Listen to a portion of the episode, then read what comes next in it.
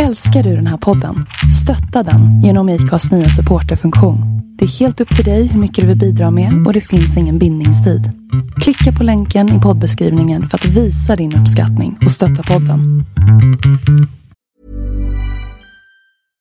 Hiring for your small business? If you're not looking for professionals on LinkedIn, you're looking in the wrong place. That's like looking for your car keys in a fish tank. LinkedIn helps you hire professionals you can't find anywhere else, even those who aren't actively searching for a new job but might be open to the perfect role. In a given month, over 70% of LinkedIn users don't even visit other leading job sites. So start looking in the right place. With LinkedIn, you can hire professionals like a professional. Post your free job on linkedin.com slash people today. Hey, Dave. Yeah, Randy. Since we founded Bombus, we've always said our socks, underwear, and T-shirts are super soft. Any new ideas? Maybe sublimely soft. Or disgustingly cozy? Wait, what? I got it. Bombus. Absurdly comfortable essentials for yourself And for those facing homelessness. because one purchased equals one donated. Wow, did we just write an ad? Yes. Bombas. Big comfort for everyone. Go to bombas.com slash ACAST and use code ACAST for 20% off your first purchase. Mitt namn är Linda Hörnfeldt och du lyssnar på avsnitt 108 av We Are Influencers. Varmt välkommen tillbaka till en ny säsong av We Are Influencers. Och vi inleder den här, det här nya året med en av de personer som jag tycker är mest spännande i den här influencerbranschen just nu. Och det är Josefin Dahlberg. Hon var med i We Are Influencers för första gången för snart sex år sedan. Då var hon modebloggare, jobbade på en bodett och pratade väldigt varmt om bloggen. Bloggen var hennes viktigaste kanal. Och eh, idag så är hon här för tredje gången. Eh, idag som entreprenör med sitt eh, spirituella varumärke Ola Moon i centrum. Hon har lagt ner den här bloggen men hon har skrivit tre böcker. Hon har öppnat en fysisk butik i coronatider och hon har lanserat ett antal onlinekurser som hon är väldigt taggad på och det förstår jag för jag är också väldigt taggad på det här med onlinekurser. Och dessutom så har hon precis blivit mamma för första gången. Vi pratar om hur enormt viktigt det är med mindset om att eh, när ens bolag växer väldigt fort, man får ta på sig nya roller och det här med att vara chef. Och hur lilla nykläckta Mio har förändrat henne. Eh, varmt välkommen tillbaka! Här kommer min intervju med Josefin Dahlberg.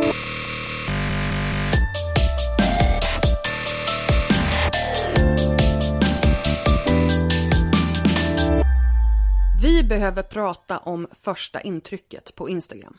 Och då syftar jag inte på färgval eller filter eller enhetligt vita bakgrunder. Nej, jag syftar på tydligheten i ditt budskap och varför någon ska klicka på den där följknappen på ditt konto.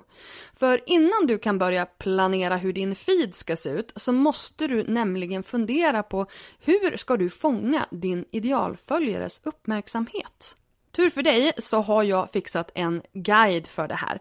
Den heter Maxa ditt Instagramkonto för tillväxt och i den här guiden så visar jag väldigt bra exempel och berättar hur du ska optimera din profilbild, din Instagram-bio och dina höjdpunkter för att nya följare ska eh, börja följa dig helt enkelt.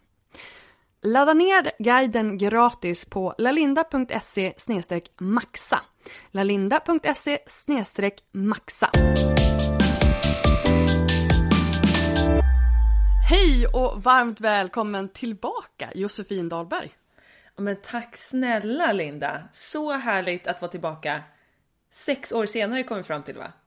Nästan. Fast du har ju varit med, det här är din tredje gång. Är det sant? Vadå när Men var du var min med an... Vanja en gång. Ja, Vanja var med. Då spelade vi in på Acast va? Just det. Exakt, exakt. Och när det var, det vågar jag inte svära på. Men det borde ha varit typ 16, 17, 17 förmodligen. Ja, 17 tror jag. Eh, ja, så att eh, det här, du är den första gästen som har varit med som gör ett hattrick. Ja men alltså, I feel honored. Underbart. Ja men alltså det, det, det, det borde du göra. Men jag borde också känna mig väldigt hedrad därför att du är ju en så sjukt spännande person i den här branschen för att du har ju verkligen gått från klarhet till klarhet eh, sen du drog igång med, med dina, dina kanaler. Och jag satt och lyssnade på Eh, jo, när jag gjorde liksom min research, jag gör research dagligen eftersom att jag följer dig. Men eh, jag lyssnade på den här första intervjun som vi gjorde då för fem år sedan. Och eh, alltså vi var ju sådana bebisar. Både du och jag. Alltså jag visste inte vad det innebar när man blev... Jag sa att det hade kommit en dom från reklamombudsmannen och det är ju fel. De kan ju inte döma, de är ingen myndighet och jag visste inte vad det innebar. Och det är jättenördigt för att ju, nu vet jag ju liksom bra mycket mer om det och jag förstår att, för du bara, nej det vet jag fortfarande inte. Och det är rimligt. Eh, det är liksom ingenting som all allmänheten behöver veta. Men då kände nej. jag att jag har utvecklats, kände jag.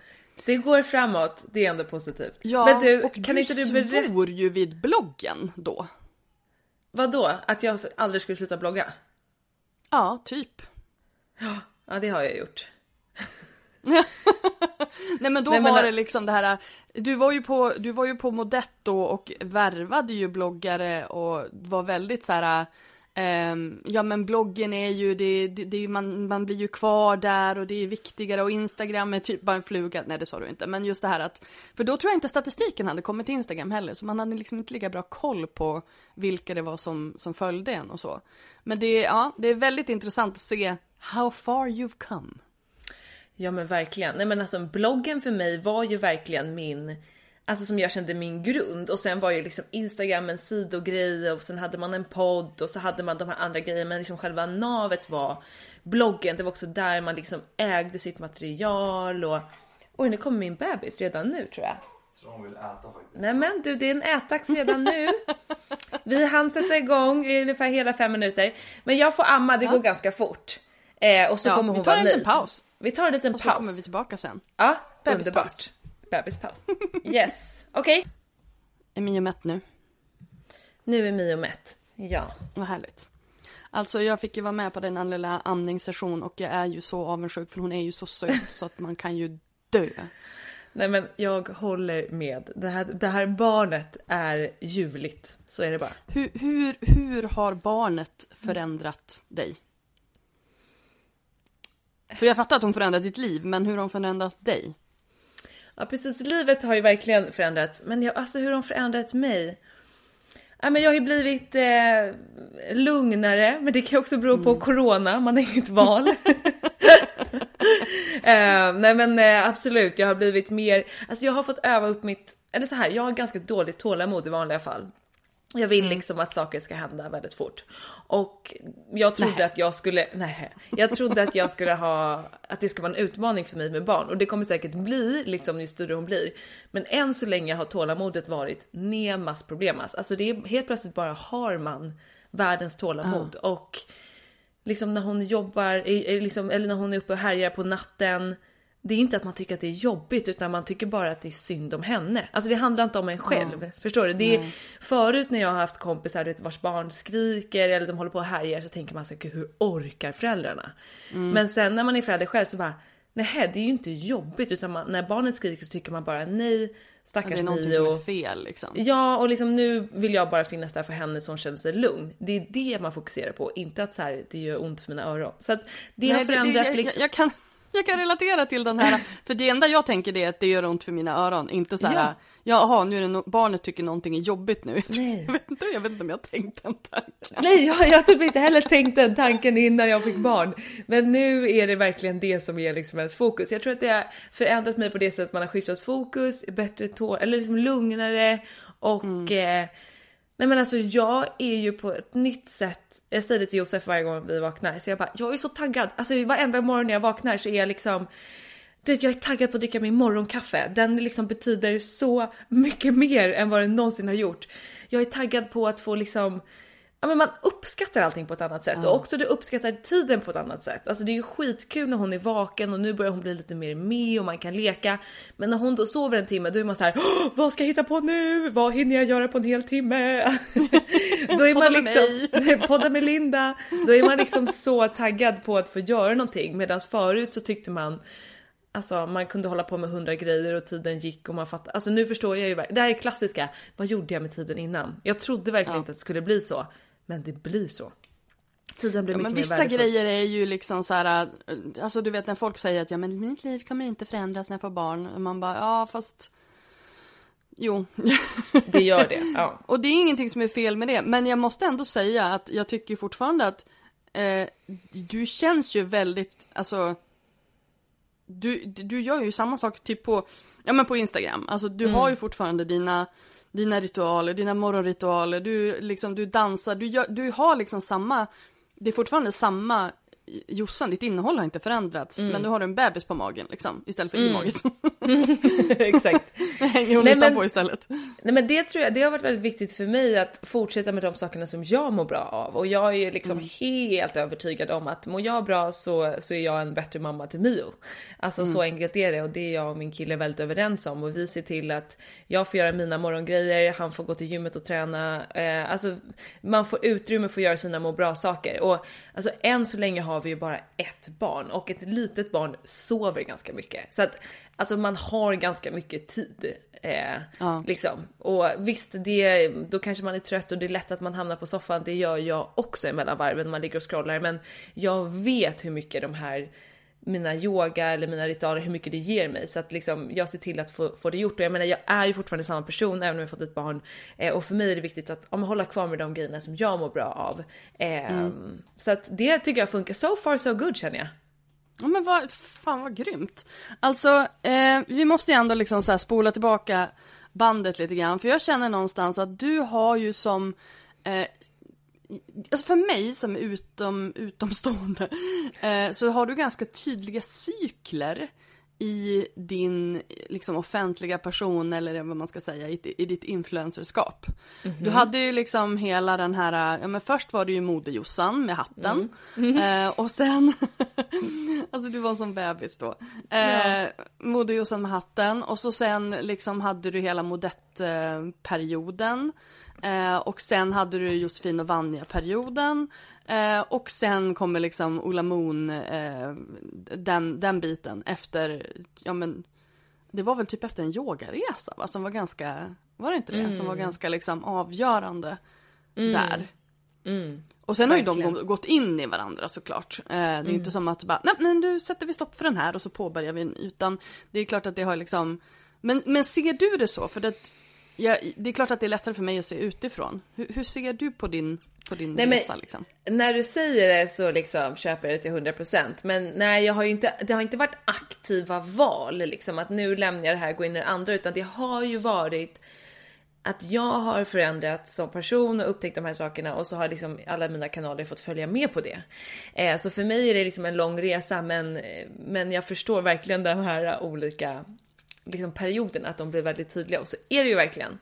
Eh, och det har ju hänt mycket på alltså, ganska få år ändå. Jag tänker att som vi sa där, fyra fem år sedan poddade vi hemma i min lägenhet i telefonplan och det var ju, det känns ju som en, näst, inte en annan person, absolut inte, men ett annat liv verkligen. Men du lyssnade på den intervjun, kan du inte berätta, du sa att jag pratade mycket om att bloggen, vad pratade vi mer om?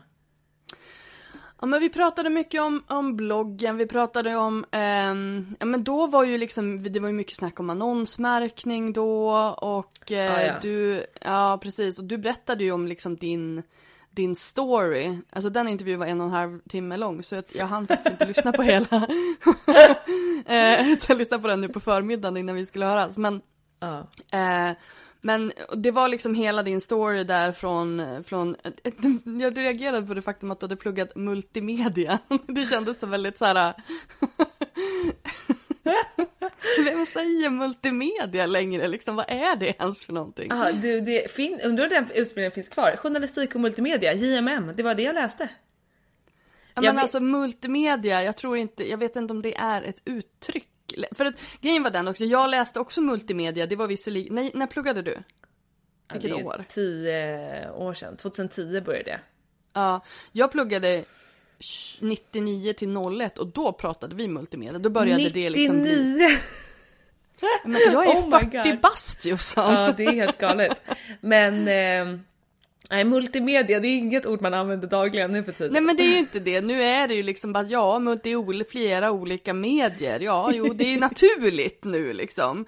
Men då var det så här, ja men för det var ju så att innan så var det så här, jobbar du med radio så jobbar du med radio och jobbar du med tv så jobbar du med tv. Och nu är det så här, nu har man podd, man har Youtube, man har liksom, man har ja, Man gör blogg allt. eller Instagram. Man, man, man, alltså alla, alla typer av medier flyter liksom lite grann in i varandra. Verkligen. Ehm, så att, nej men så då hade du kommit från det och så sen Sofies mode och så eh, chic och så, och så var det också Stockholm Street Style där någonstans och det. eh, ja det var ju liksom, du, du skuttade ju mellan ganska många bloggportaler jag skuttade där emellan många olika mode, modejobb och modeportaler, det gjorde jag verkligen. Ja, men, men berätta liksom om, om du liksom sammanfattar den här resan från för då hade du också precis börjat, du var väldigt taggad på bloggandet. Eh, och du hade, för du hade precis börjat bli mer personlig. Mm. innan det så var du ju väldigt liksom mycket mode-Jossan. Jag la bara upp alltså var mina kläder kom ifrån. That's it. Ja, och sen träffade du Vanja. Sen träffade jag Vanja och då var det kört. Då har du kört. Då fick jag lära mig hur man blir personlig. Nej men och det var mycket det. Det var ju när jag började podda med Vanja. Jag började, alltså, herregud, prata, det, det har du ju märkt, det har jag inga problem med. Eh, och när vi började prata i podden, då var det så lätt att börja öppna upp sig och berätta om det ena och det andra. Och då blev det också att jag fick mycket frågor om det på Instagram och på min blogg och då blev det också naturligt att jag började blogga och dela med mig av andra delar Eh, liksom, ju, mer jag, ju längre jag poddade med Vanja, Vanja desto mer personlig blev jag egentligen. För att Ja. det någonstans gick liksom emellan på alla olika kanaler. Ehm, men, eh, men det var ju ett stort skifte för mig att gå då från modebloggare till bli mer liksom personlig och köra den här livsstilsbloggen.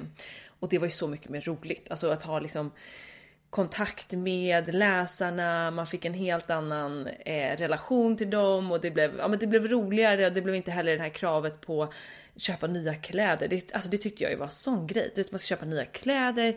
Eh, jag gick ut med mitt stativ själv på gatan och självutlösare och tog bilder på mig själv och liksom Det är ändå modigt.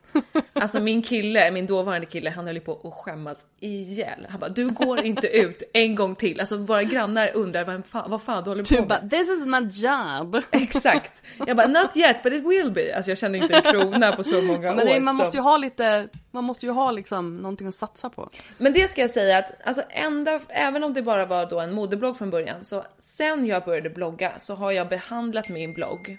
Oj.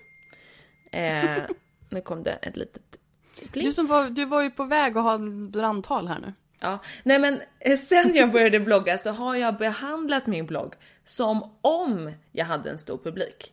Mm. Det spelade ingen roll att jag hade 10 läsare i veckan eller liksom vad det nu var i början, utan jag gick upp på morgonen innan skolan, bloggade. Jag såg till att blogga innan jag gick och la mig. Alltså jag behandlade det verkligen som om jag hade en stor blogg. Och det är ju verkligen ett här manifestationsknep har jag förstått nu. Och jag tror att det var en stor anledning till att det gick bra. Men då visste jag inte riktigt det. Men jag hade ju kompisar som också började blogga och så tänkte de efter ett tag så här, äh, det är ändå ingen som, det är ingen som märker om inte jag bloggar idag och så råkar det bli tre dagar och en vecka och två veckor. Men jag liksom showed up för min blogg varje dag och skrev så här, hej på er allihopa, hur mår ni? Alla noll, tio. noll kommentarer liksom. Men jag, jag, jag, jag tror att den energin och att jag liksom dagligen verkligen ja, men showed up för det gjorde att det blev liksom större och större och större. Så det är ett tips till alla som, alltså nu vet inte jag hur många som startar en blogg idag, men vi säger att man startar en Instagram eller man startar en podd. Det är lätt att hamna i det här, nej men det är ändå inte så många, det är inte hela världen om jag pod- poddar eller inte. Eh, Då kommer det vara väldigt svårt att få det att växa. Så att om man bestämmer sig för att man, det här är någonting man vill satsa på, liksom show up för det. Även, alltså från dag ett. Men just, just konsekvens. Mm. Eh, för att man är liksom konsekvens, att man håller i det. För att det är ju som du säger att eh, om man själv börjar tumma på det. Man har ju någon form av eh, oskrivet avtal med de läsare och de följare som man har. Att så här, ja, men om du har sagt att, eller om du har bloggat varje dag och sen börjar du liksom släcka av. Då, då, då känner jag inte att jag kan liksom lita på dig. Då vet jag inte hur ofta jag ska gå in och du vet så. Ja. Och det här är ju mer med bloggen, alltså det, eller det är väl egentligen bara med bloggen för att de andra kanalerna är man ju inne på ändå. Alltså Mm. som Instagram och, och YouTube och sådär. Då är man ju kanske inne på plattformen även om eh, Men det är man svårt att inne bara växa om man person. inte... Ja precis, men det är ju svårt att växa om du inte liksom du inte håller i fortsätter. det. Ja och också tror jag att ha det som mindset. Alltså för att om jag skulle stirrar mig blind på min statistik då och bara men okej nu var det 14 personer den här veckan som var inne på min blogg. Då blir ju mitt material lite utifrån det att så här, Ja, men då tar inte jag ut svängarna lika mycket men mitt mindset var ju så här, jag har tusentals som kollar in mig. Alltså, och då blev det också att jag publicerade material på ett annat sätt. Och det, jag sa det till en kompis som har börjat skapa mycket videocontent och jag bara spela in som om det är tusen pers som kommer kolla. Och hon bara, jag tänker på det varenda gång jag spelar in och det ger mig så mycket energi och det gör att jag är på tårna och att jag liksom Annars är det lätt att man blir bekväm och äh, det är inte hela världen liksom. Så att jag brukar ha, jag hade i alla fall det som ett liksom mindset att så här, det är flera, det är så Men blir man inte besviken då? När man sen kollar statistiken? Nej, jag blev bara, inte det. Det är inte Det pärlor för svin liksom. Nej, alltså och Alltså någonstans, i, i morse så gjorde jag efter min lilla ritual så satte jag mig ner och gjorde en, eh, jag bara skrev ner lite tankar och då kom det en insikt som jag skrev ner och det var att så här värdet av det jag gör är inte eh, responsen. Utan värdet av det jag gör är det jag gör. Alltså det jag put out there, det är det som är värdet. Inte hur många likes, hur många som har köpt min kurs, hur många som prenumererar, hur många, så det är inte värdet, det är som själva responsen, det är en annan grej. Och det tror jag är ganska lätt att fastna i och tro att det är det som är värdet. Men mitt värde är bara, det är det som jag delar med mig av. That's it. Sen är responsen en annan grej och det är jättekul såklart och det är klart att vårt ego gillar när den responsen blir mer och det är positivt och det är härligt. Men jag får inte glömma bort att värdet är det jag ger. That's it. Och det är, jätte, det är jätte, jättebra att du säger det och jätteviktigt att, att stanna i det. För jag tror att det där är väldigt, väldigt vanligt. Att man liksom ger bort någonstans ehm, värdet. Ja, Och lägger Nej. det hos någon annan. Att så här, du får bestämma om det här är värt någonting. Alltså jag gjorde det senast för några dagar sedan. Jag la upp en så här reels, jag hade gjort någon härlig smoothie. Du vet, jag tyckte den var lite härlig, lite så här julsmoothie. Och sen så efter två timmar så märkte jag att det är ingen jävel som har brytt sig om den här filmen. Så jag tog bort den Linda. Jag tog bort den för jag bara, aha nej men det var inte den bra, äh, då behöver inte den vara uppe, då tar jag bort den. Även du, min Även Brutus, jag. höll på att säga. Även var- du tappar det där. Och det var därför jag i morse då verkligen, för då, ja men jag har, jag har ju släppt en bok precis, jag har lanserat en ny kurs, jag märker hur jag går in och tittar topplistorna, så här, är den fortfarande på topplistan? Bra, yes, ja. Hur många har köpt, signat upp sig på min kurs? Eh, hur många eh, var likes eller whatever? Och det var därför jag i morse bara, ta ett steg tillbaka och kom ihåg, var, var ligger värdet? Det är inte i responsen, utan det är det jag gör. Och det är bara så viktigt att påminna sig om det och jag behöver påminna mig om det. Mm. Och speciellt reels, för det tar faktiskt några dagar innan de tar fart. Ja. Nej men alltså.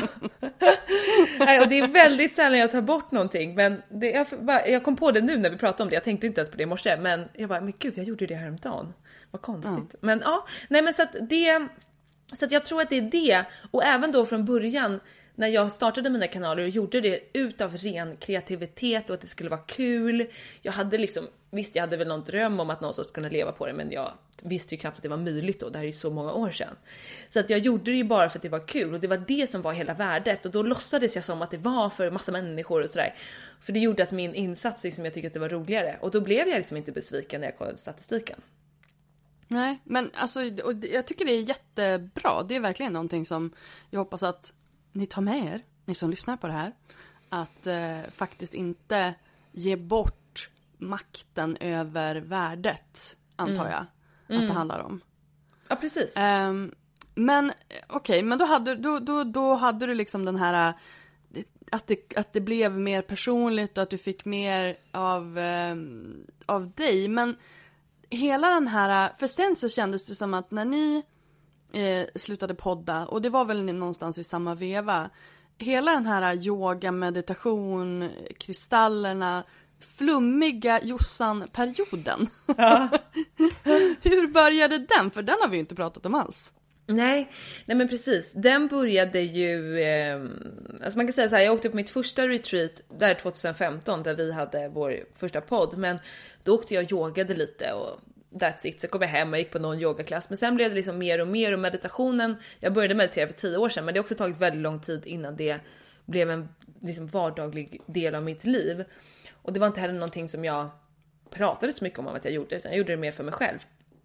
Men så började jag utveckla den sidan mer och mer och började resa ännu mer och, och det var framförallt när jag var i Indien och när jag var i LA som hela den här spirituella flummiga delen lite sattes på plats. För att jag var i, eh, i Indien och eh, hittade en gullig kristallbutik och bara wow vad, vad fina saker. Eh, och sen så var jag i LA och där såg jag liksom den här flummigheten på ett helt nytt sätt. Alltså herregud, alla hälsotrender kommer ju från LA. Ja men alltså, och det här har jag ju sagt förut, du är ju verkligen så här LA-flummig. Du är inte liksom så här kaftan, kaftanflummig, utan du är LA-flummig. Jag är LA-flummig, det räcker bra för mig än så länge. Men, nej, men och det var det jag kände att jag var där i LA, jag var hemma hos Anine Bing och hon hade tagit dit en så här kristall tjej som hade någon kristallbuffé. Vi fick välja kristaller, man fick med sig kristallerna i en rosa rosa gullig påse och det var där jag kände så här, men gud, jag vill ha med mig den här lilla påsen i min väska vart jag än går. Och eh, jag och Camilla Pil, en norsk eh, influencer, vi gick runt i LA på massa olika spirituella butiker och köpte mer kristaller och kortlekar och hon var helt inne i det här och jag blev helt inne i det här.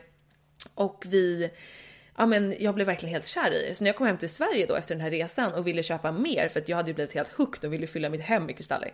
Eh, då hamnade jag liksom i någon källarlokal som inte alls gav mig den där viben. och då kände jag liksom så här: nej men det här var inte riktigt det som jag ville ha utan jag ville ha det där Ja men som du säger, eller flummigt, det är liksom snyggt paketerat, det är härligt, men det är inte det här hard hardcore. För det hade jag också märkt när jag började komma in mer och mer i alltså yogavärlden eller om man ska säga, alltså yoga communityt. Det blev nästan, alltså det blev också en prestige även där. Mm. Och jag hade ju vänt mig till yogan och meditationen för att släppa prestigen och släppa den här rollen som jag hade tagit på mig av att jobba så för mycket, och höll på att gå in i väggen och hela den här grejen. Yogan var liksom min räddning och helt plötsligt så blev det liksom hur mycket joggar du? Går du upp fem på morgonen? Ja, jag joggar två timmar och jag bara två timmar? Vem fan pallar yoga i två timmar? Böjlig är du? Nej men alltså, jag kan yoga typ en halvtimme hemma. That's Nej men alltså det är ju asjobbigt att yoga i två timmar. Och då, då, då tänker jag att då ligger, vad säger vad, vad, vad är den heter när man bara ligger Shavasana. Då har man en jävligt lång shavasana på slutet. Det är det. Ja precis. Vi har exakt. kommit på det. Nej men. Ja precis. Och... Nu har vi, vi har avslöjat dem. ja exakt. Nej men när jag är på mina retreats, alltså sure, och när jag blev yogalärare, vi yogade ju 8-10 timmar om dagen liksom. Men hemma, då kände jag att det här, jag vill ju, hit, jag vill ju addera yogan till min vardag för att jag ska liksom må bra. Jag vill inte känna att det också ska vara ett krav eller att Exakt. jag ska ha en prestation i det och att jag ska känna att om inte jag yogar minst en timme på morgonen, då är inte jag en yogi. Så då blev jag liksom, och lite samma sak kände jag här med spirituella att Nej men jag gillade den där feelingen jag fick i LA, den tilltalade mig och då kände jag att men det här det här känns något som känns nytt, det känns härligt, det känns kul. Jag vill sprida det. Och eh, mm. då startade jag Ulla Moon, min, min webbshop, utan att ha någon slags liksom plan, strategi. Utan Sofie jobbade med mig på deltid. Och jag bara, men vi startar en webbshop, hur svårt kan det vara? Vi får sätta oss och googla och starta upp och... Det här, är ju, det här är ju grejen med dig och grejen med framgång. Man måste tänka lite, hur svårt kan det vara? Vad är det ja. värsta som kan hända? Och ja. så kör man. Och sen kanske inte allting blir som man har tänkt. Jag menar, Nej. jag har gått på, på törnar liksom. Jag hade också en, en webbshop i en kvart, som du kanske minns. Ja. Eh, eller det kanske var innan din tid, jag vet inte. Eh, men, och det gick ju åt skogen för att jag tyckte, alltså det var vissa grejer jag tyckte var kul och andra grejer var ju skittråkiga och de ja, ja. tråkiga grejerna tog så mycket mer tid. Så då var det bara, jaha, nej men det, då, då gör vi inte det. Um, så att, men, men ändå så här, man måste prova, man måste våga och testa. Ja, och det alltså jag vet inte riktigt, det är så många som, jag märker också nu, vi har ju anställda och och jag har många som skriver till mig och liksom de är så här, nej men det där vet inte jag hur man gör så jag kan inte göra det.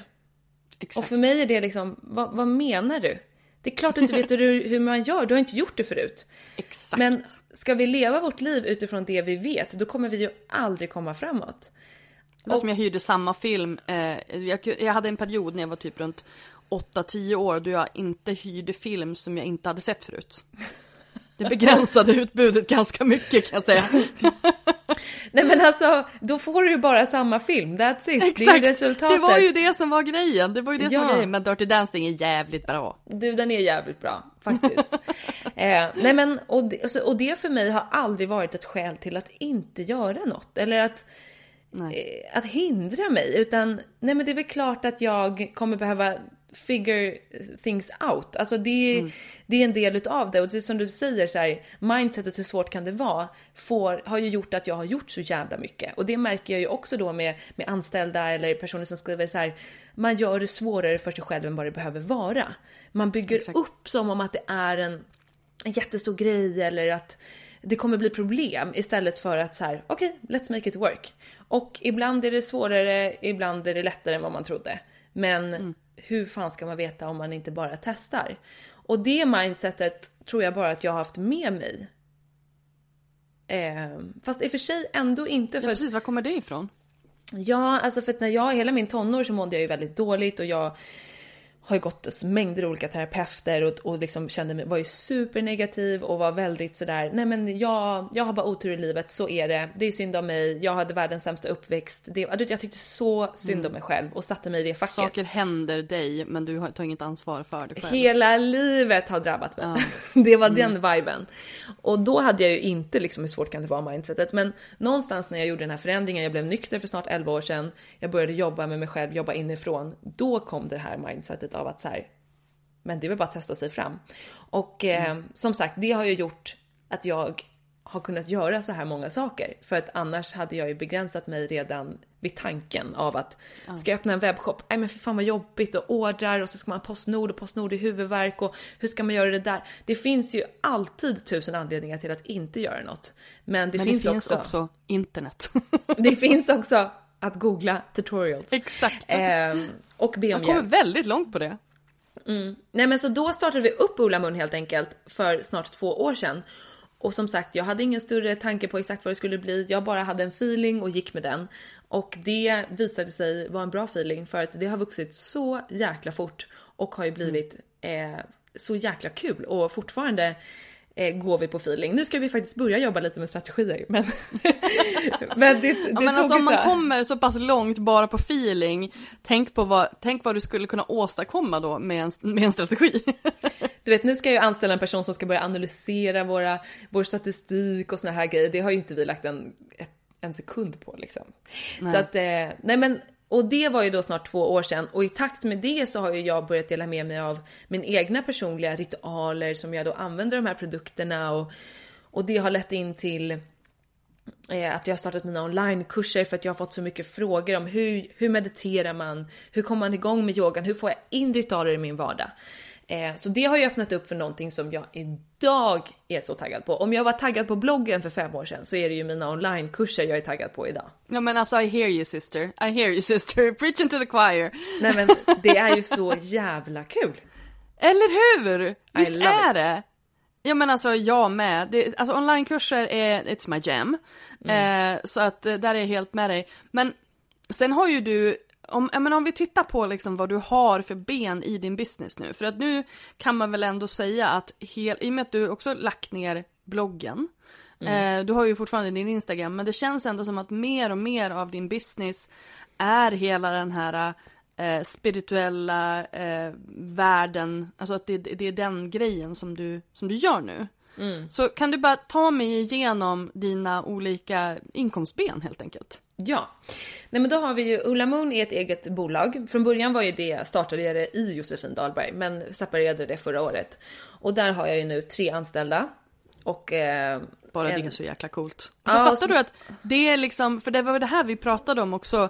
För att när vi liksom bloggade, eller bloggade, när vi poddade där första gången, då, då började ju folk anställa lite assistenter och du vet sådär. Men jag menar, det faktum att du som influencer, vilket du ju faktiskt är liksom grunden till allt det här, nu har tre anställda. nej, det Det är, är, ju skitcoolt. Mom deserves the best, and there's no better place to shop for Mother's Day than Whole Foods Market. They're your destination for unbeatable savings, from premium gifts to show-stopping flowers and irresistible desserts. Start by saving 33% with Prime on all body care and candles. Then get a 15-stem bunch of tulips for just $9.99 each with Prime. Round out Mom's menu with festive rosé, irresistible berry chantilly cake, and more special treats. Come celebrate Mother's Day at Whole Foods Market. I'm Sandra, and I'm just the professional your small business was looking for. But you didn't hire me because you didn't use LinkedIn jobs. LinkedIn has professionals you can't find anywhere else, including those who aren't actively looking for a new job but might be open to the perfect role, like me. In a given month, over 70% of LinkedIn users don't visit other leading job sites. So if you're not looking on LinkedIn, you'll miss out on great candidates like Sandra. Start hiring professionals like a professional. Post your free job on linkedin.com/people slash people today. Ready to pop the question? The jewelers at BlueNile.com have got sparkle down to a science with beautiful lab-grown diamonds worthy of your most brilliant moments. Their lab-grown diamonds are independently graded and guaranteed identical to natural diamonds, and they're ready to ship to your door. Go to BlueNile.com and use promo code LISTEN to get $50 off your purchase of $500 or more. That's code LISTEN at BlueNile.com for $50 off. BlueNile.com code LISTEN. Det är verkligen så häftigt och det är lätt att det blir liksom en vardag och att man, eh, alltså det kommer ju massa utmaningar med det, herregud Såklart. också. Men det är ju... Det vill jag prata om sen. Ja. För det är att vara chef. Oh my god. Det är därför jag anställer den här personen nu så jag ska slippa det här för det är inte min grej att ha personalansvar och fixa och don. Nej, det är inte det jag tycker är kul, men det kan vi prata om. Eh, men sen så vi har tre anställda. Nu ska jag anställa den här personen som ska jobba halvtid med att liksom ha lite personalansvar och, och, och analys och sen har vi en eh, extra personal i butiken. Så det börjar verkligen bli liksom ett eget bolag. Och Ja, du har också en fysisk butik nu, vilket är så coolt. Alltså vi har en fysisk butik som går så bra, vilket är så jäkla I kul. corona! Jag vet, vi har bara fyra pers inne åt gången också så vi håller alla regler. Jo, men ändå liksom det faktum att du har öppnat en butik i, i pandemitider och det funkar. Ja, men det är ju också nu folk har tid att reflektera, blicka inåt, öppna upp för ett annat slags liv. Så att det har ju varit en bra timing rent på det sättet. Ja, Ehm, businessen måste ha gått ganska bra det här senaste året. Ja, alltså den har egentligen inte ökat. Vår, vår bästa månad, vi hade skitbra januari, februari, mars i början på, på 2020. Eh, det var liksom våra toppmånader ever. Eh, sen har det liksom hållit sig alltså, absolut bra, men det har inte ökat liksom jättemycket. Men butiken har gått mycket, mycket bättre än vad jag trodde. Eh, Men, men bi- det går jättebra och det är därför jag då ska anställa den här personen så att jag kan ta ett steg tillbaka och jobba då med mina onlinekurser. För då har jag ju som sagt min Instagram som är liksom mitt skyltfönster där jag också vill förmedla mitt budskap som är att jag gör det jag kan för att må så bra som möjligt och dela det med andra och att liksom inspirera andra till att må bättre. Det är min grund, mitt grundsyfte. Och eh, det använder jag liksom Instagram till Eh, och har nu börjat jobba då med mina onlinekurser som är så kul. Och det är ju verkligen att få ett till steg till att kunna guida och hjälpa. Och jag startar då mina Facebookgrupper så att man kan ha mer kontakt och de kan ställa frågor till mig och så. Så det tycker jag är så himla roligt. Och sen har jag då ett tredje bolag som kommer lanseras det här året som jag blev delägare i för ett år sedan med två eh, tjejer som heter Maria och Annika som hade börjat jobba på det här företaget för några år sedan men har också gjort det som en deltidsgrej så det har liksom inte varit så full on action. Det är därför det tagit ganska lång tid. Men vi kommer släppa eh, Får jag säga exakt vad det är? Hmm, vi har hintat lite om det. Men det är i alla fall inom hälsa. Eh, någonting man kan äta eller dricka. Det kan vi säga. Ooh. Spännande! Oh, oh, oh, väldigt spännande. Livsmedel, det känns läskigt. Ja, ja verkligen. Eh, men det är skitkul. Så att det kommer vi eh, jobba med mer eh, nästa år också. Så det är de tre, ja det, det ger ju mig inga cash än så länge såklart eftersom det är en startup. Ja. Utan det kostar pengar. Men, Bara- men de, ja precis. Eh, men så så ser liksom min Du bild har, ut. du har glömt ett, eh, ett ben. Mhm. Eller egentligen två. Eller du har glömt ett inkomstben och en, en kanal. Du har ju eh, skrivit tre stycken böcker. Smart. Bra där. Ja. ja Och en som du precis har släppt, hur kan du glömma den här? Nej, alltså, Soulwork! Den där vill jag ha, Eh, kan du signera Ja men jag har redan, jag har redan skickat den till dig. Eh, Den kommer en i dig. Jag skickade dem Yay! igår. Ja såklart. Tack! Såklart. Åh, jag såg att, eh, jag såg att eh, eh, posten åkte förbi här. Jag, har, jag är skittaggad på den där boken. Jag hade tänkt att jag skulle messa dig och be Ja. dig, eh, att man kunde köpa en direkt från dig. För jag vill ju ha den signerad såklart. Ja, men det har den såklart. faktiskt- Vad glad jag blir. Ja, Tack. den kommer komma säkert idag eller imorgon. Eh, nej men precis. Eh, böckerna hittills har ju inte varit ett intäktsben kan jag ju säga. Eh, man tjänar ju, hur mycket tjänar man på att skriva böcker Linda? Man tjänade, jag tror att jag har tjänat kanske två, tre månadslöner totalt. ja. Nej men det Nej. är ju inte... Men det är, det är trots allt inkomst, även om den inte är stor Det så är, är den ju, det är ju absolut. pengar in. Jo men så är det absolut. Och eh, det är ju så fascinerande det här med böcker. Det är lite som att föda barn. När man skriver en så tänker man aldrig mer. Ungefär som när man Ja. föder ett barn. Och så fort man har det i handen så bara, men gud, och nästa bok den ska handla om det här. Det är verkligen så. Det är ett hästjobb att skriva en bok. Jag kan inte riktigt fatta att jag det här året har drivit Ola Moon, haft mina samarbeten, eh, varit gravid för ett barn och skrivit en bok. Och vad har jag mer gjort? Ja men eh, säkert andra saker också. Alltså jag förstår inte hur jag fått ihop det. Och ändå har jag upplevt att det här året har varit extremt stressfritt. Jag har ju inte känt mig stressad det här året. Eh, men på något sätt. Men jag tror också att det är jag tror Det är väl också hela din livsstil? Ja, alltså det är min faktum livsstil. att du är i den här, liksom, den här flumbubblan. Nej men alltså där du faktiskt värderar, prioriterar din mentala hälsa, eh, Mm. de här rutinerna som du har. Det bidrar väl jättemycket? Ja, och sen tror jag också att det är hela mindsetet, lite som vi pratade om förut, det här med vad man bygger upp för problem och inte. Jag tror ju inte att det är liksom antalet timmar som bränner ut den. Alltså fine, absolut om du jobbar nej. 20 timmar om dygnet och blir helt slutkörd, självklart. Men du kan jobba tre timmar om dagen och bränna ut dig för ditt mindset är att allt är en utmaning, saker är emot dig, det är problem Mm. som ska lösas, allt är liksom att jobba i motvind. Och Mm. eh, det pratade jag med en nära person till mig som sa att herregud, på slutet när jag var utbränd, då fick, fick jag en uppgift om dagen och det var för mycket.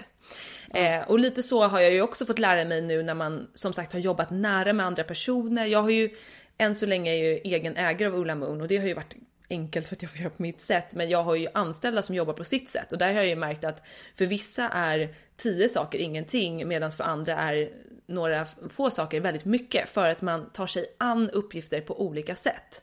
Och där tror jag att mitt sätt har varit att även om jag har suttit på kvällar och skrivit böcker och sådär så har jag liksom inte varit stressad eller känt att åh gud, utan jag gör ju det här för att jag vill. Och eh, jag har lite samma, samma mentalitet att hur svårt kan det vara? Just do it och sen så släpper jag det och så att där har jag ju mycket att vinna på att få saker gjorda just av att inte ja, men se möjligheterna och fokusera på varför jag gör det här. Varför har jag det här jobbet? Vad tycker jag är kul? Istället för att, alltså herregud, att skriva en bok eller driva företag. Jag skulle ju kunna komma på så många motvindsgrejer eller hinder. Men jag vet ju att det ger mig ju ingenting att fokusera på det. Det, ja, jag bara, fortsätt. Fortsätt.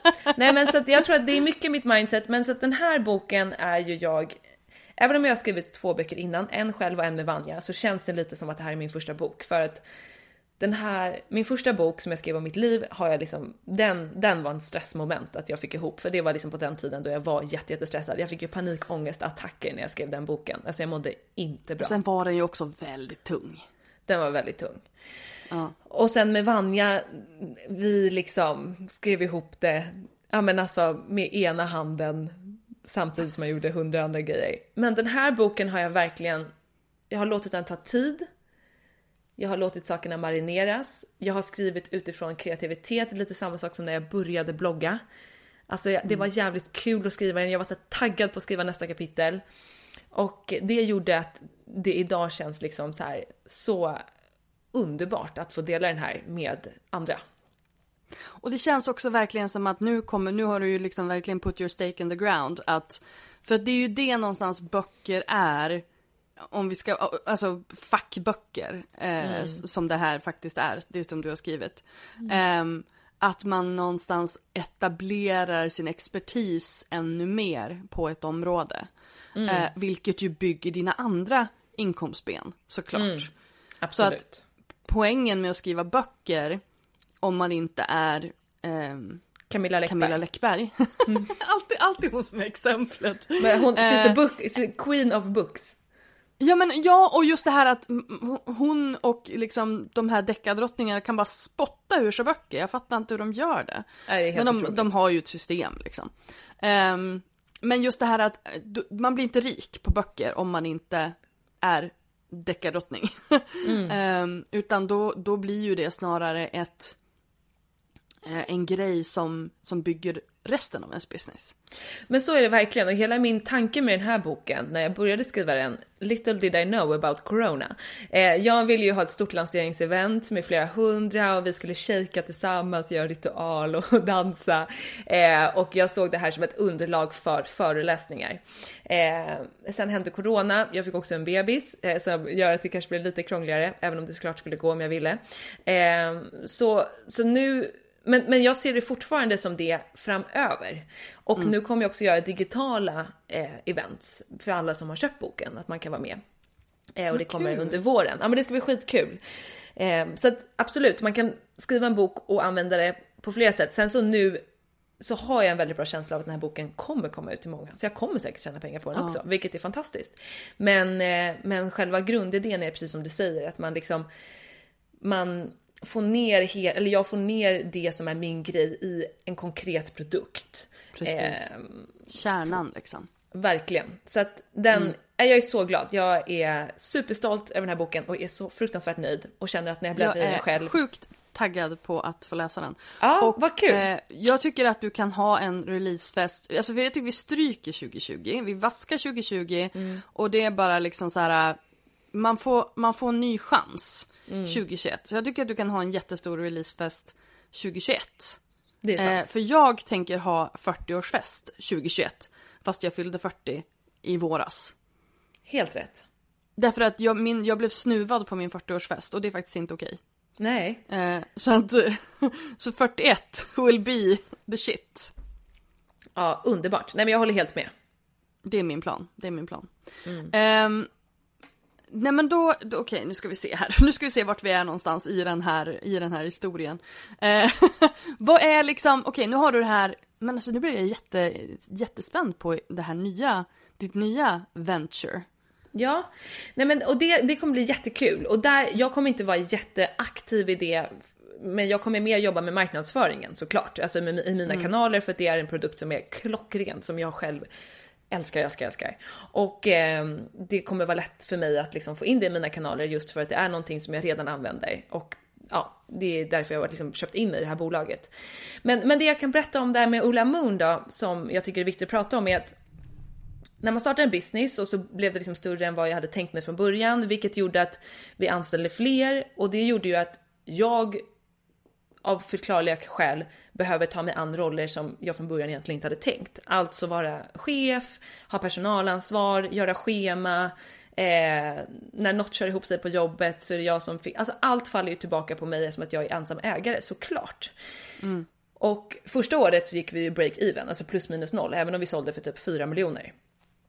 Eh, och det är ju så, att starta upp en business, det kostar väldigt mycket i början och man lär sig hela, hela tiden. Och eh, men, men nu då så eh, när jag har fått bebis och varit hemma en hel del och fått liksom reflektera lite över min, min situation så blev det så glasklart för mig. Även om jag förstått det här innan så blev det liksom så otroligt tydligt att från första början så har jag valt att bli egenföretagare för att få göra det jag tycker är kul. Och vad är det egentligen jag gör nu? Ja men det är att ta hand om personal, sitta med admin, skicka fakturer till min revisor, leta efter kvitton som saknas. Alltså nu hårdrar jag det. Självklart är det många roliga Ja saker men jag också. förstår vad du menar. Jag, jag har också haft en sån period nu då man bara tittar så här. Jag, jag gör en liten sån här, ehm, du vet, avsluta året Mm. grej. Och då är det så här, vad är det du gör för någonting som du inte ska göra? Exakt. Alltså vart är du i your zone of genius? Mm. Och vad är det som egentligen bara tar din energi som du inte behöver göra? Ja. Det och det jag behöver inte du göra. Nej. Det är inte blev du så- som behöver göra det. Nej, det blev alltså, du så behöver göra det men det är inte du som behöver göra det. Förstår du? Exakt. Jobbet need to be done. Eh, Exakt. Men, men, eh, nej men och då blev det så tydligt för mig och nu, nu har vi också utrymme då liksom eh, rent ekonomiskt att kunna anställa någon som kan göra det här. För i början när du startar en business, du kommer behöva ta på dig alla hattar och det är supersegt. Alltså vissa saker är skittråkiga, men om du vill ha en, en webbshop till exempel du behöver göra jobbet och hittills har det varit fine. Men någonstans så gick det så pass långt för mig att jag kände att så här, jag tycker inte att det är kul längre. Jag funderade på ska jag sälja det här företaget för att jag har ingen motivation. Ja, men det, det, det nästan gick till det planet för att också Alltså att ha personal, jag har ju världens bästa personal, men oavsett hur härliga människor man har på sitt team så kommer det dyka upp grejer som behöver lösas och den ena tycker si, den andra tycker så. Hur ska man hitta en lösning som gynnar alla? Jag är inte heller på plats hela tiden. Vad vet jag vad som stämmer? Vad är någons uppfattning? Vad är en annans uppfattning? Alltså det är mycket sånt som jag inte längre kan styra över. Personalpolitik liksom. Ja, och det är en helt ny grej för mig och ingenting som jag någonsin hade tänkt att jag skulle jobba med. Men nu hamnar jag ju där, vilket är ett lyxproblem för att jag har en business som går så pass bra att jag har, får ha ett härligt team och det är jag ju skitglad över. Men jag ska inte ha hand om de sakerna. Så att nu har jag då letat efter den här personen så vi håller på med ansökningar just nu, vilket är så kul med någon som ska gå in och ta över den här biten, jobba lite med att styra teamet, ha en strategi, analysera, följa upp sånt som jag typ har fått göra med vänsterhanden medan jag rattar andra grejer, skriver bok, driver mina företag, gör samarbeten, skapar kurser, you name it föder barn. så att... Föder eh, barn. Den lilla eh, och- detaljen. Den, ja men det var ju en liten detalj, två och en halv timme tog det. Men alltså skojar du? Från att mitt vatten gick, två och en halv timme efter var hon ute. Du Helt- behövde typ inte ens ta i utan du bara nyste så bara Nej, du trust me att jag tog i. Fy i helvete vad ont det gjorde. Alltså oh my god. Men i alla fall, det gick fort i alla fall. Eh, nej men och då, och även om jag nu inte har anställt den här personen, bara vetskapen av att jag kommit på att så här, ah, jag behöver inte göra allt det här. Ja. Jag kommer hitta en människa. Det gör att det känns så mycket lättare och det gör också att jag får tillbaka den här kreativiteten, peppen på varumärket. Jag är så taggad på att jobba vidare med Ola Moon. Vi har så roliga produkter och ta- vi ska ta fram och vår framtidsvision nu känns som att den blomstrar. Så det är så viktigt också att ta ett steg tillbaka och tänka efter varför startade jag det här från första början? Var är det jag ska vara? Vad är det jag är bra på? Och som sagt, det tar ett tag kanske innan man kan anställa någon som kan göra de här andra sakerna, men och menar, vi har inte råd att anställa någon på heltid. Jag kan inte ha en HR heltid för tre anställda. Nej, men vet du Men- vad jag tänker? Jag tänker att det du egentligen ska ha, det är ju typ en VD. Exakt. Så och så sen plan... får du vara creative director. Det är ju det som, det är mitt mål. I min Ja. business är mitt mål att jag ska ta in en VD som gör allting tråkigt eh, och är i stort sett min chef. Mm. som har liksom, ehm, för jag, jag säger ju det, jag behöver en projektledare. Jag behöver någon som har allt övergripande så här, planering och så sen så gör jag allting kreativt. Exakt. Det är det jag vill ha. Och det här är lite roligt för jag har ju jobbat på Eva Attling för, eh, ja, det är nästan tio år sedan som jag jobbade där. Och hon är ju, hon var då i alla fall, creative director på Eva Attling AB. Sen har hon ju en anställd vd som sköter liksom, ja men Mm. det, det dagliga driften. Och det tycker jag var så här genialt för att när jag Mm. kom in där då trodde jag väl att hon var vd därför att, ja, företaget bär hennes namn. Då tänker man Mm. att det är hon som är Mm. vd. Men hon är inte det utan hon är kreativ chef, vilket jag Mm. tycker är så här, det är så bra. Ja, och det är Och det är precis det det, som är exakt, det är precis det som är min tanke.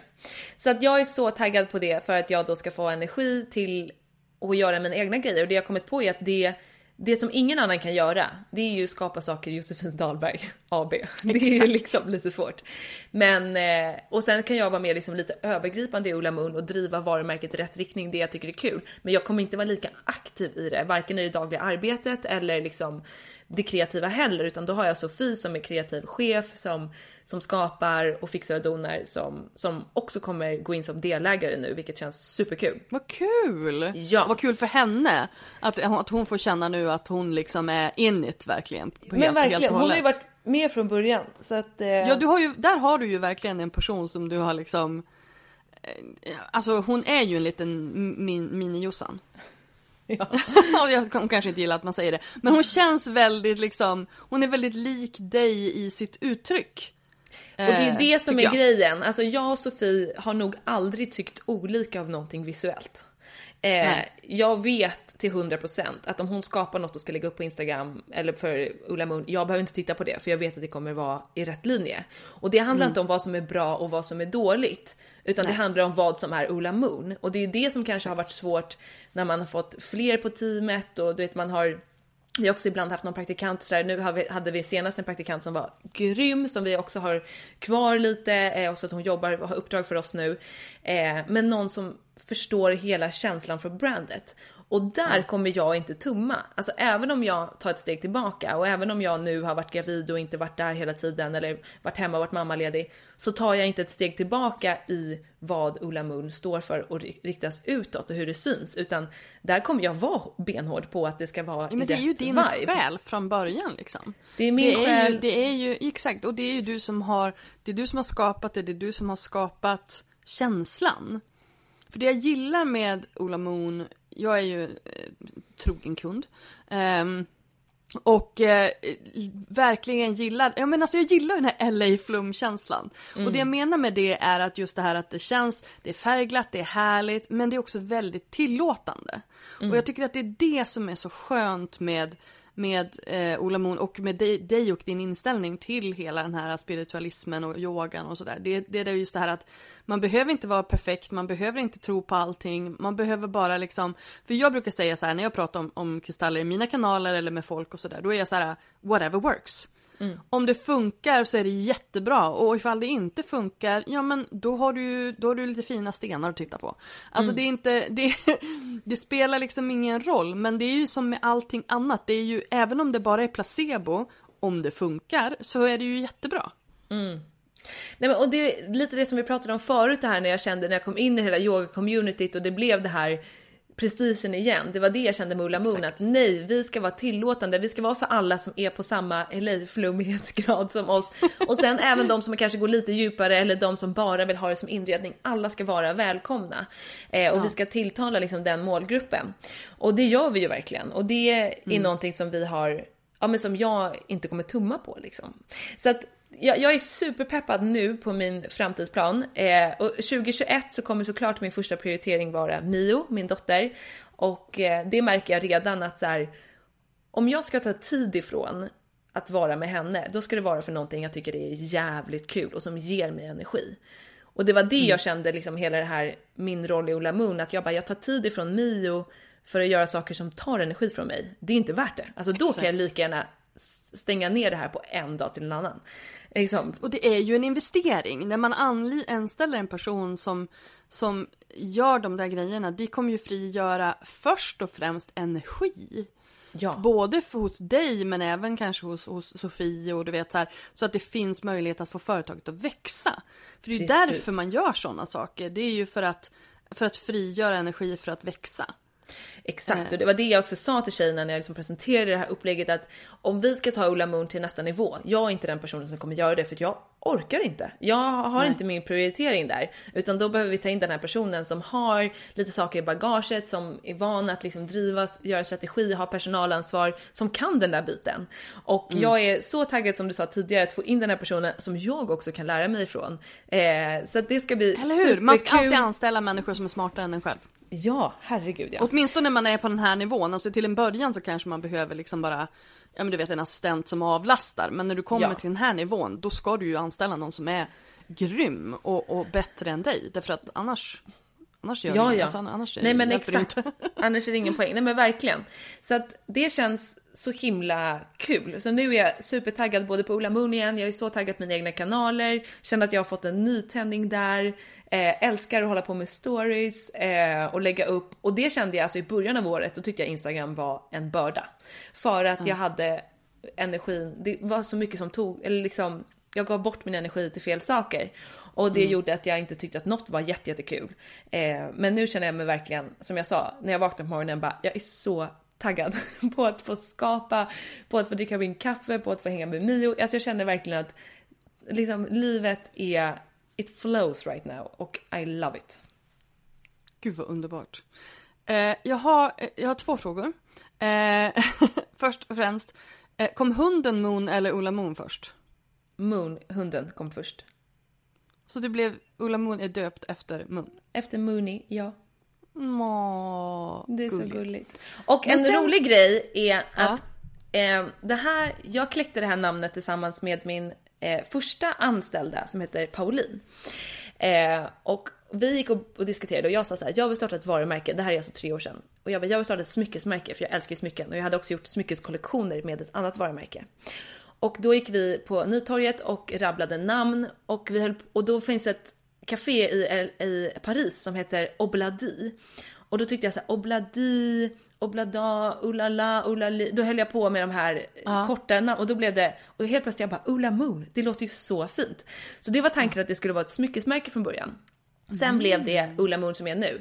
Men min nya grej är att skapa en smyckeslinje för Ulla Moon. Så det kommer liksom knuten, eller säcken kommer knytas ihop. Jag har ju faktiskt ett halsband från er. Eh, Jag vet, vi har ju, vi har ju smygstartat lite. Men eh, det, är min, det är min kreativa grej för Ulla Moon, att ta fram riktigt fina smycken. Ja, det ser jag fram emot. För det kan jag verkligen, alltså att du inte har gjort mer smycken. Du är ju liksom, Jag älskar ju smycken. alltså Alltså, du jag och Vanja är ju jul, julgranarna. Ja, ja, ja, så är det ju. Så det är nästa, nästa projekt där. Det ska bli så kul. Gud vad roligt. Men sen har jag funderat på en grej och det här, nu blir det liksom lite så här hoppa tillbaka till hela din eh, med, med Mio och sådär. Eh, du är ju en väldigt offentlig person och din baby daddy är ju också en väldigt offentlig person men inte hos dig. Nej. Hur, hur är den liksom, det måste ju också vara en ganska svår balansgång tänker jag. Hur, hur ni tänker med bebisen och, liksom, och de bitarna. Hur, hur, hur har liksom dina tankar gått där? Ja, men alltså på ett sätt så har det varit väldigt enkelt för att min kille vill inte vara med och han vill helst inte att vårt barn ska vara med. Och då har det varit superenkelt för mig att mina kanaler är det jag står för och det jag vill förmedla. Och även om jag blivit mamma så kommer inte mina, mitt content att helt förändras och bli liksom ur ett föräldraperspektiv. Även om det såklart kommer vara utifrån mitt perspektiv, vilket är att ja, men nu är jag mamma så hur kan man hinna med ritual medan bebisen sover eller vad det nu kan vara. Men inte att jag liksom förändras lite som vi inled, alltså pratade med, om i inledningen. Eh, så kommer jag fortfarande att vara jag och göra det som jag mår bra av. Och det har varit väldigt enkelt att så här, okej, men mitt privata här hemma, det är mitt privata.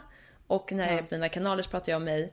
Och Mio kommer liksom vara med i förbifarten eller så, men det kommer aldrig vara fokus Det blir inte på henne. samarbeten med barnkläder och Det kommer det eh, absolut inte bli. twist Nej, shake. det kommer det inte bli. Utan Thank vi, God. Ja, utan vi, och det är absolut inget fel med det och jag liksom man all, det viktigaste är att alla lyssnar till sig själva. Vad känns bra för mig och vad känns bra för mig och min partner? Vad står vi för? Vad är viktigt för oss med vårt barn? Och eh, det enda som kan det rätta svaret på det är en själv, hur man gör med sitt eget barn. Och det som jag tyckte var enkelt med Josef är att han har redan från första början, alltså han har knappt Instagram. Han har ju en Instagram, han är typ aldrig inne. Det är att liksom det finns inte ens ett option där. Tidigare i mina relationer så har liksom, jag vet att det är något som uppskattas av följarna, att man visar upp sin kille och att jag visar upp och man berättar om sin... Och det gjorde också att min relation blev lite lidande ibland. Och nu tycker jag att det är väldigt skönt att veta att det är inte ens ett option utan jag gör mina kanaler med mina budskap och det är det som det kommer vara oavsett om jag lever med någon eller får barn.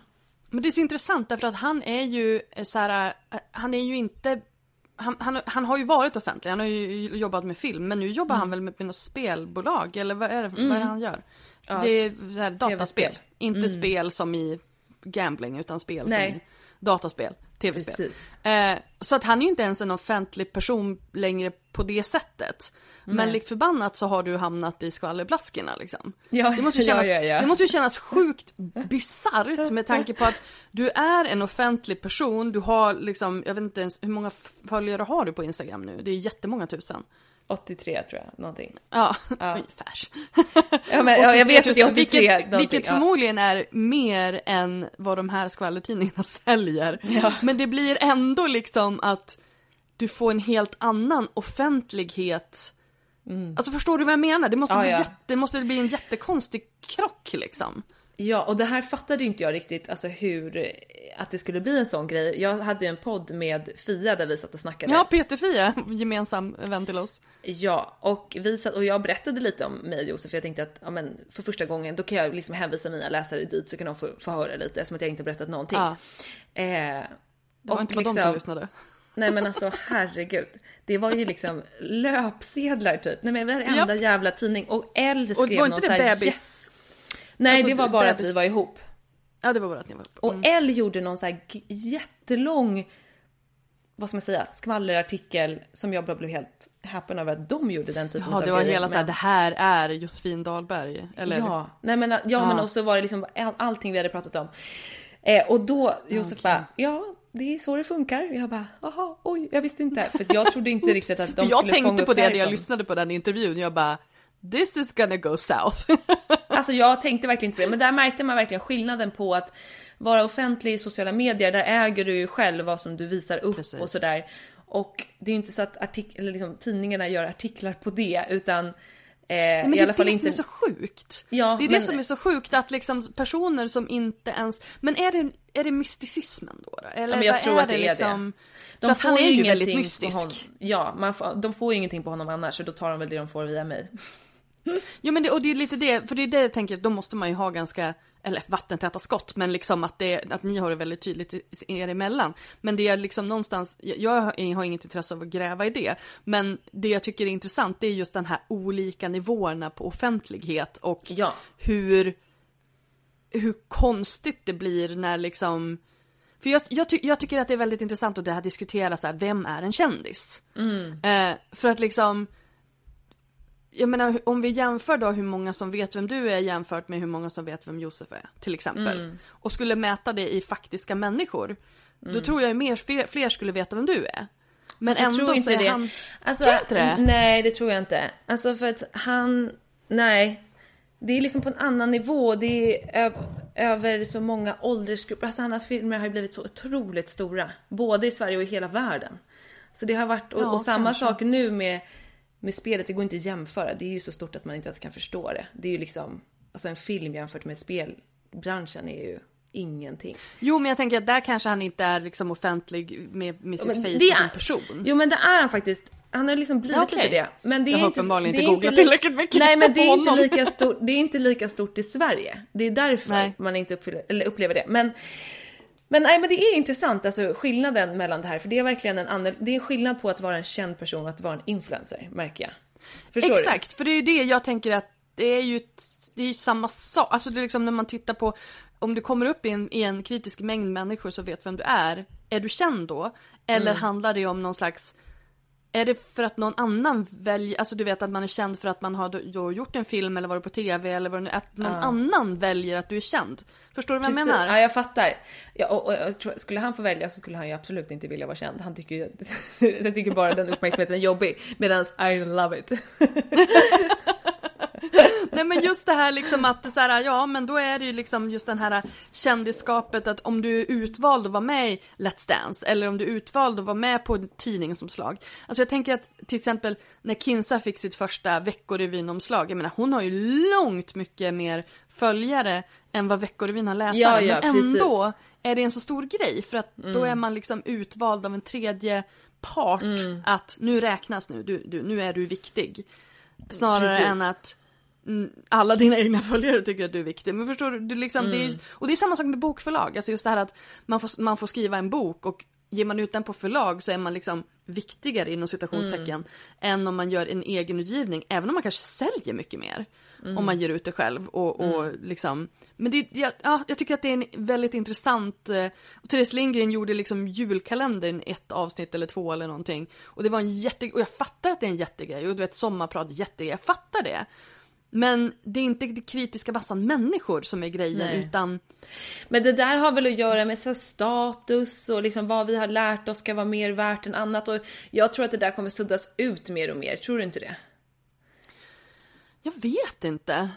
För, för jag, jag tänker också att det går lite grann sam, i hand, nu, nu kommer vi lite off topic här, men jag tänker- tänker också att det går lite hand i hand med respekten för media, alltså för nyhetsmedia och eh, jag menar man ser vad som liksom har hänt i USA och alla ehm, Ja men alltså nu är jag liksom inne i den här antivaxer-diskussioner och du vet så här, vad är fakta? Vad är på riktigt? Vad är, vad är liksom respekterade nyhetskällor eller källor för saker och ting.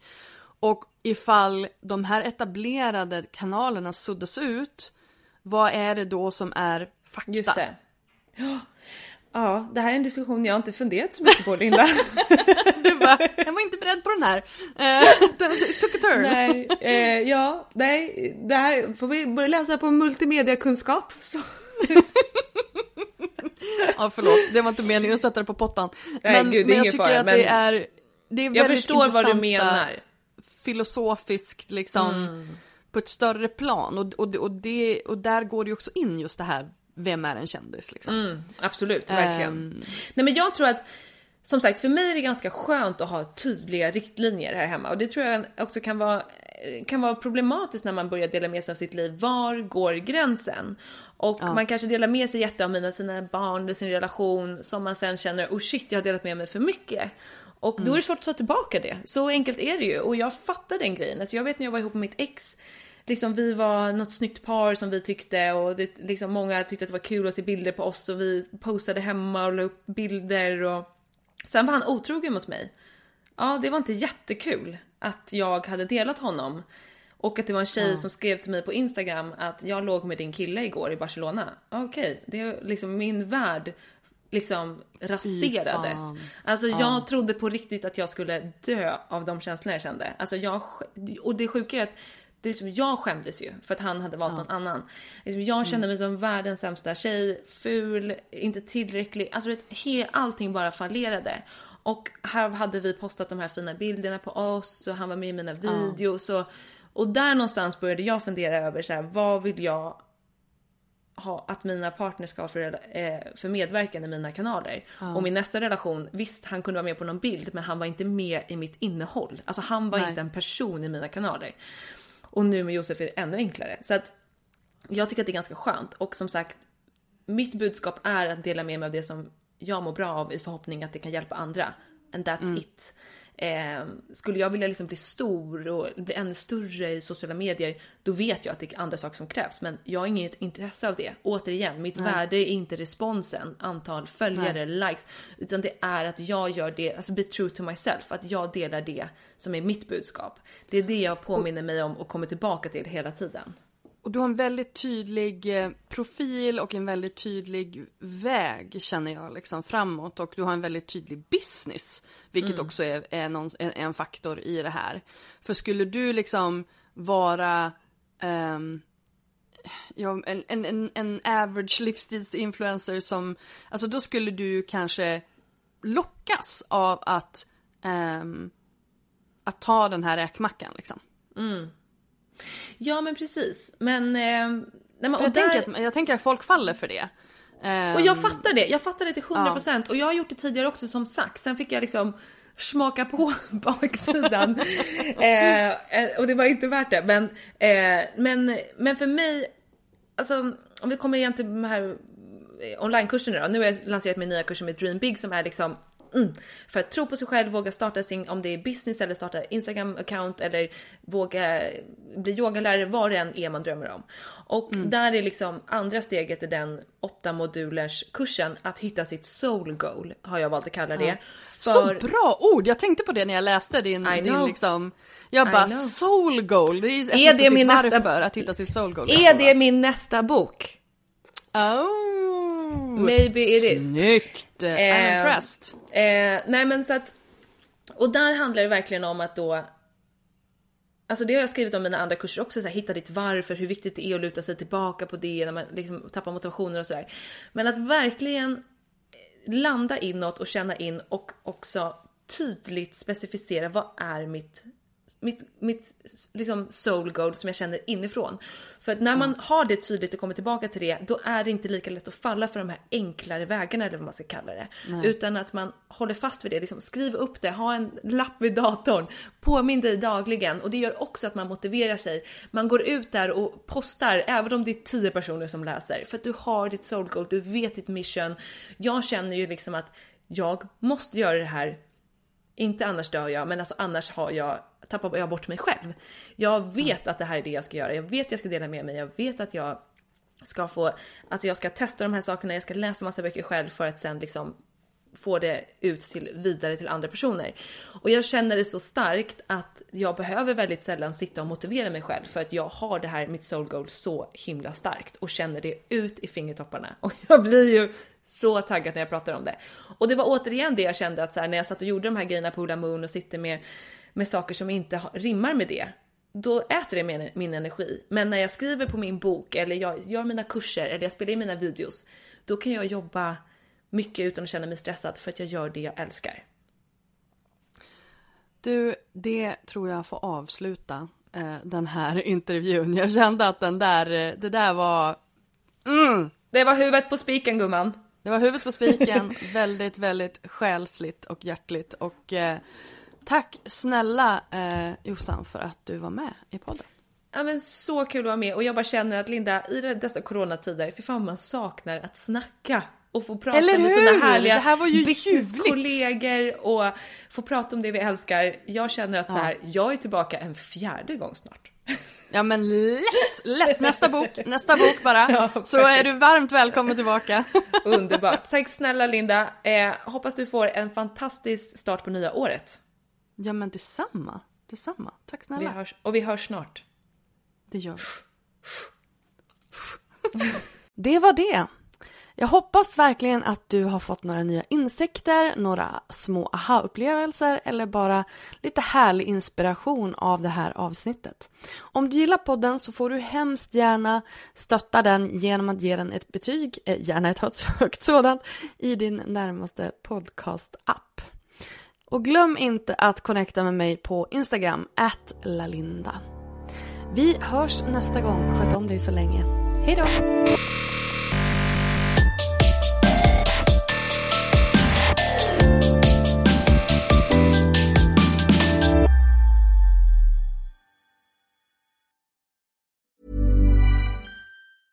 A lot can happen in the next three years. Like a chatbot may be your new best friend. But what won't change? Needing health insurance. United Healthcare Tri Term Medical Plans are available for these changing times.